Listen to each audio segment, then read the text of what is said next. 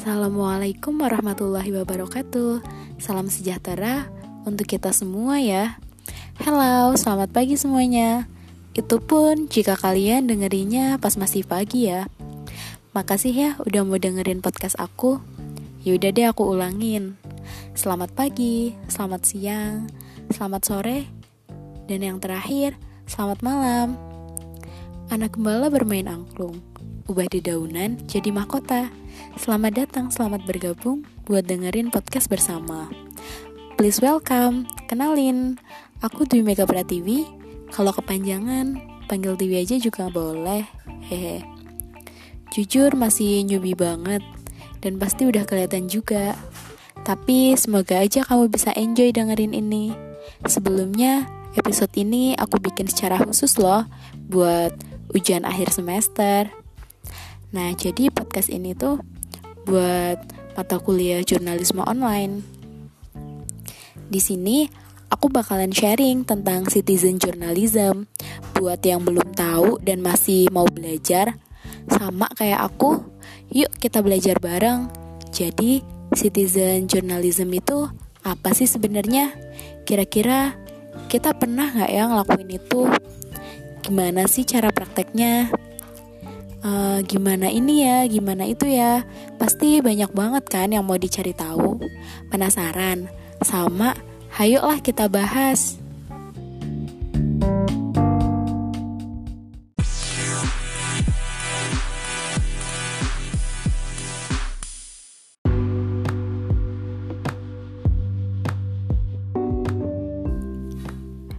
Sekarang mengenai pembahasan dari citizen journalism bisa kita mulai dari definisi aja kali ya. Nah, aku tuh sempat baca-baca gitu dan juga sempat dengar katanya citizen journalism atau yang biasa kita sebut jurnalisme warga itu merupakan proses produksi informasi yang dilakukan warga biasa atas peristiwa yang terjadi di sekitarnya melalui berbagai media dan tentunya dengan cara penyampaian yang khas ya. Dengan kata lain, model jurnalisme ini mengakomodasi siapa pun walaupun masyarakat biasa sekalipun untuk menyampaikan informasi atas peristiwa apa pun. Dan segala hal yang terkait dengan itu di berbagai media, termasuk media pers profesional ataupun independen seperti blog, vlog, YouTube, dan juga bisa berupa konten yang diunggah pada media sosial dan lain-lain. Banyak deh pokoknya. Oh ya, sesuai namanya. Jadi, citizen journalism itu dilakukan oleh warga biasa ya, bukan reporter, wartawan, atau jurnalis profesional tentunya.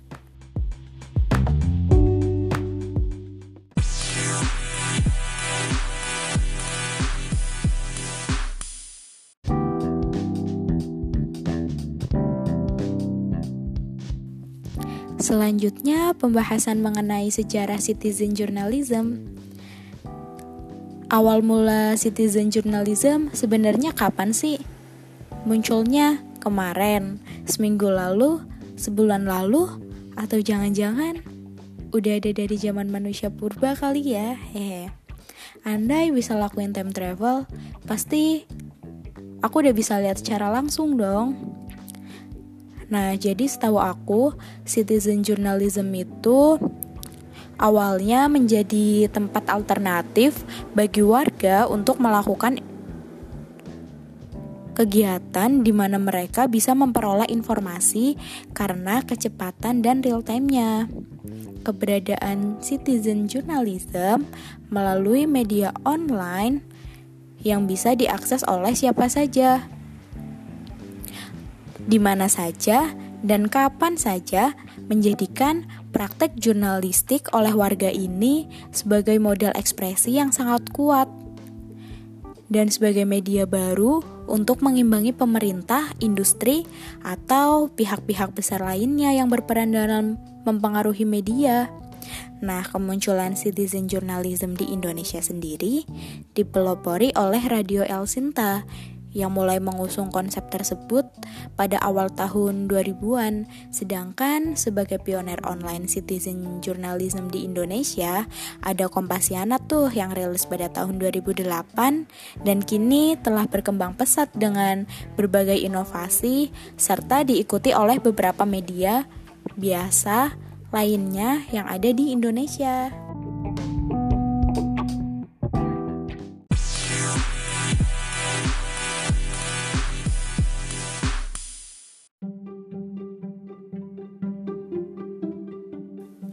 Bagian ketiga mengenai kredibilitas citizen journalism dalam melakukan praktek jurnalistik, jurnalis warga pada umumnya memiliki perbedaan yang signifikan dengan jurnalis profesional terkait pengetahuan dan pemahaman pada prinsip-prinsip dasar jurnalistik.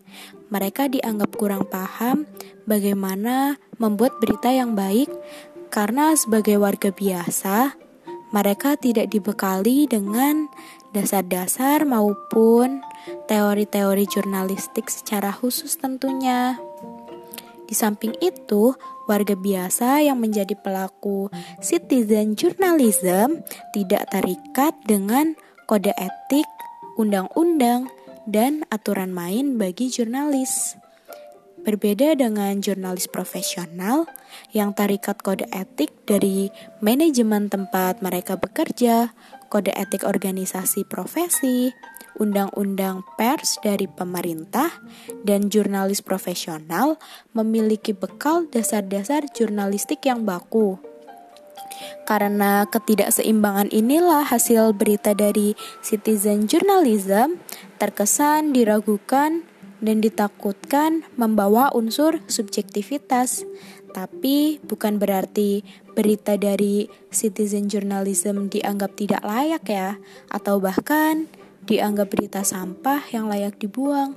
Karena pada beberapa kesempatan, citizen journalism di Indonesia dapat melampaui jurnalis profesional loh. Contohnya nih, yang pertama, pada saat tragedi bom Bali pada tahun 2002, orang yang memberikan informasi adalah warga biasa di Surabaya kepada awak media radio Suara Surabaya. Kemudian, pihak radio tersebut mengkonfirmasi kepada kepada aparat polisi setempat dan hal itu dibenarkan. Selanjutnya, contoh nomor dua adalah ketika bencana tsunami Aceh pada tahun 2004. Orang yang menangkap ataupun merekam detik-detik tsunami menerjang daratan adalah seorang warga biasa yang merekam kejadian tsunami lewat kamera ponselnya. Kalau kata Mak Lambetura sih kekuatan handphone jadul ya, hehe. Kemudian hasil rekaman itu menjadi sumber bagi media Metro TV dalam menyi menyiarkan berita. Jadi kita nggak boleh menganggap sebelah mata nih sama yang namanya citizen journalism. Citizen journalism memang tidak terikat dengan hal-hal seperti jurnalis profesional, namun, ada satu hal yang harus kita tahu, kalau citizen journalism terikat dengan moral umum yang berlaku di masyarakat. Jadi, dalam citizen journalism, nggak boleh bikin berita seenaknya ya, tetap harus memperhatikan norma-norma yang berlaku di masyarakat tentunya. Norma-norma atau kode etik yang digunakan citizen journalism adalah etika dalam berinternet atau biasa disebut dengan netiquette.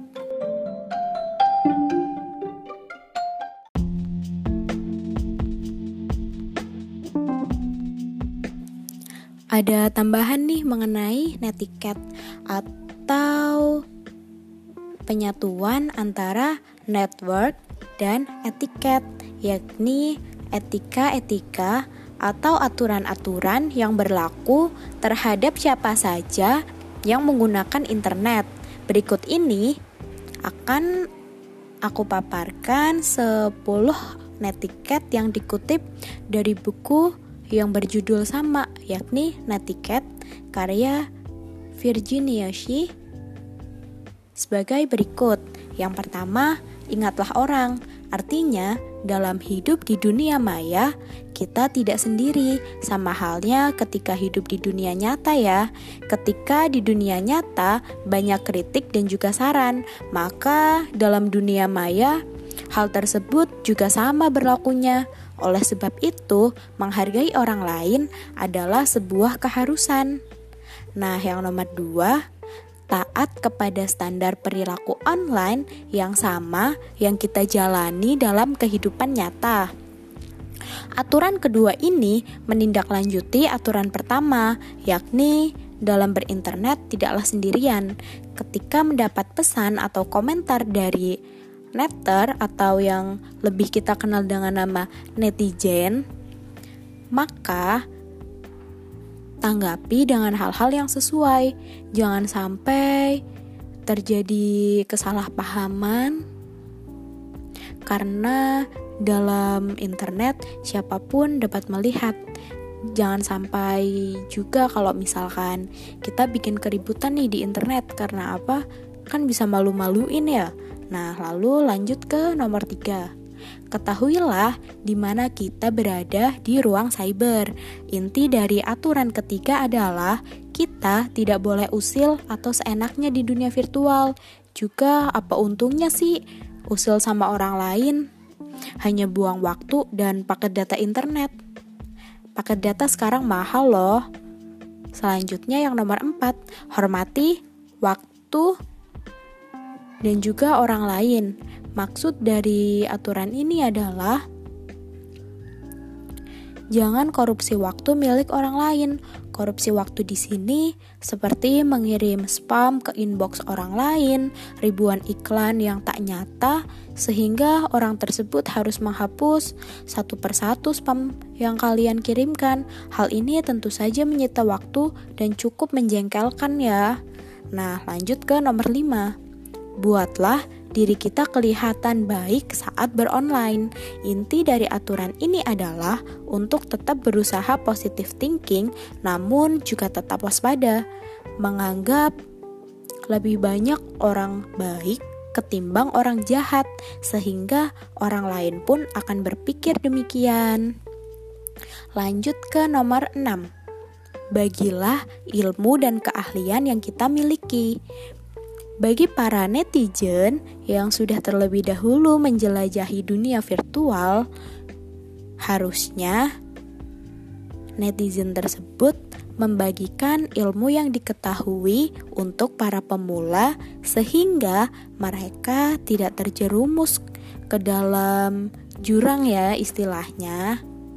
Salah satunya adalah membagi ilmu mengenai bagaimana cara berinternet yang baik. Nomor 7 menolong agar peperangan tidak terjadi nih.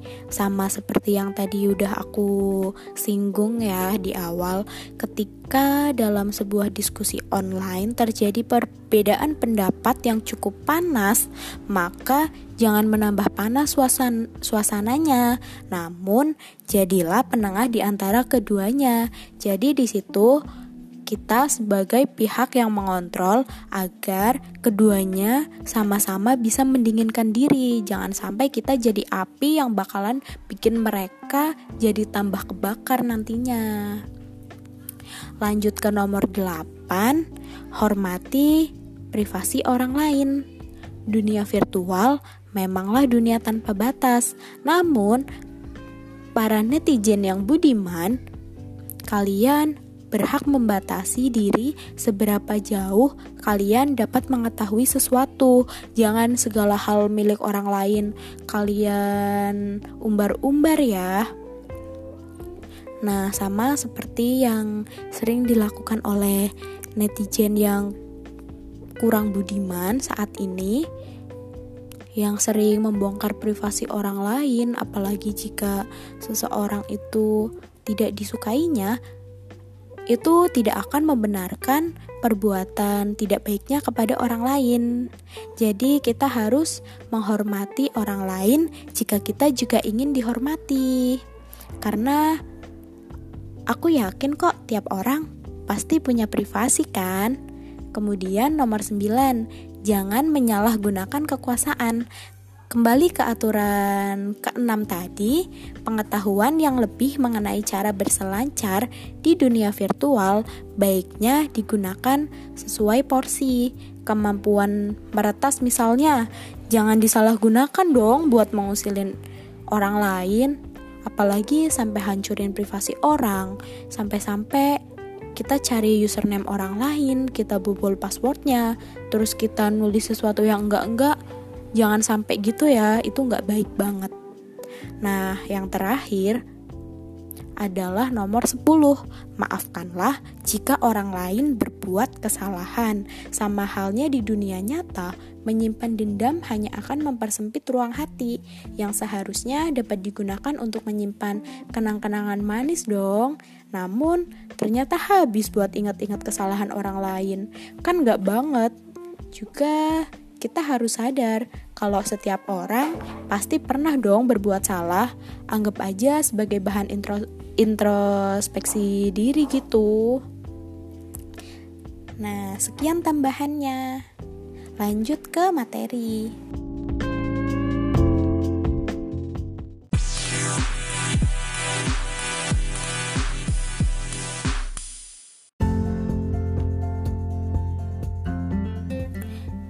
Kemudian, bagian terakhir mengenai dinamika atau perkembangan citizen journalism. Seperti yang sudah kita ketahui, tidak bisa dipungkiri banyak yang perlu diperhatikan dalam praktik jurnalisme warga di Indonesia. Terlebih, praktik jurnalisme warga kini tidak berhenti sebatas tulisan, tetapi juga video dan tidak sebatas website, namun merambah pada ranah sosial media. Terpaan informasi akan semakin banyak nih dan tentunya buat masyarakat bakalan lebih sulit lagi bedain mana nih berita yang benar dan mana yang enggak.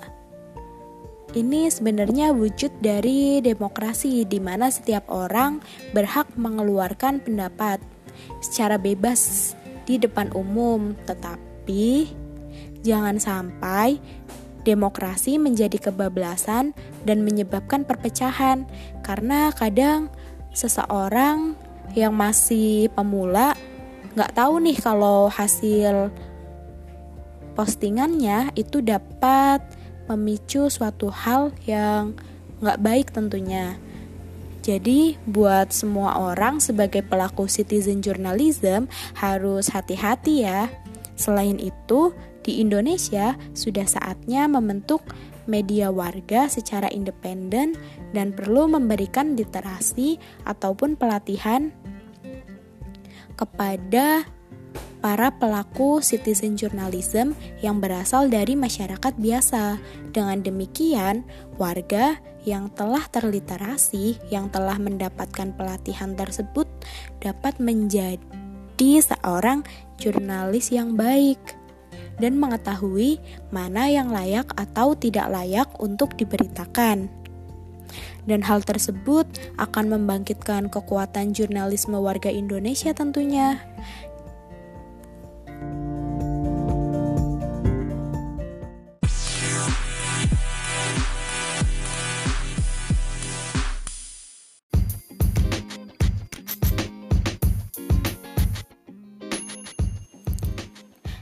Sedih banget ya. Udah gak kerasa sharing kita udah selesai nih.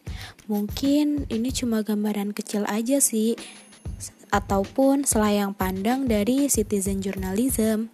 Sekali lagi Thanks ya buat semuanya yang udah mau dengerin podcast aku. Intinya di sini kita sama-sama belajar dan maaf banget nih kalau ada kesalahan maupun kata-kata yang kurang berkenan. Satu pesan dari aku, have a nice day and see you.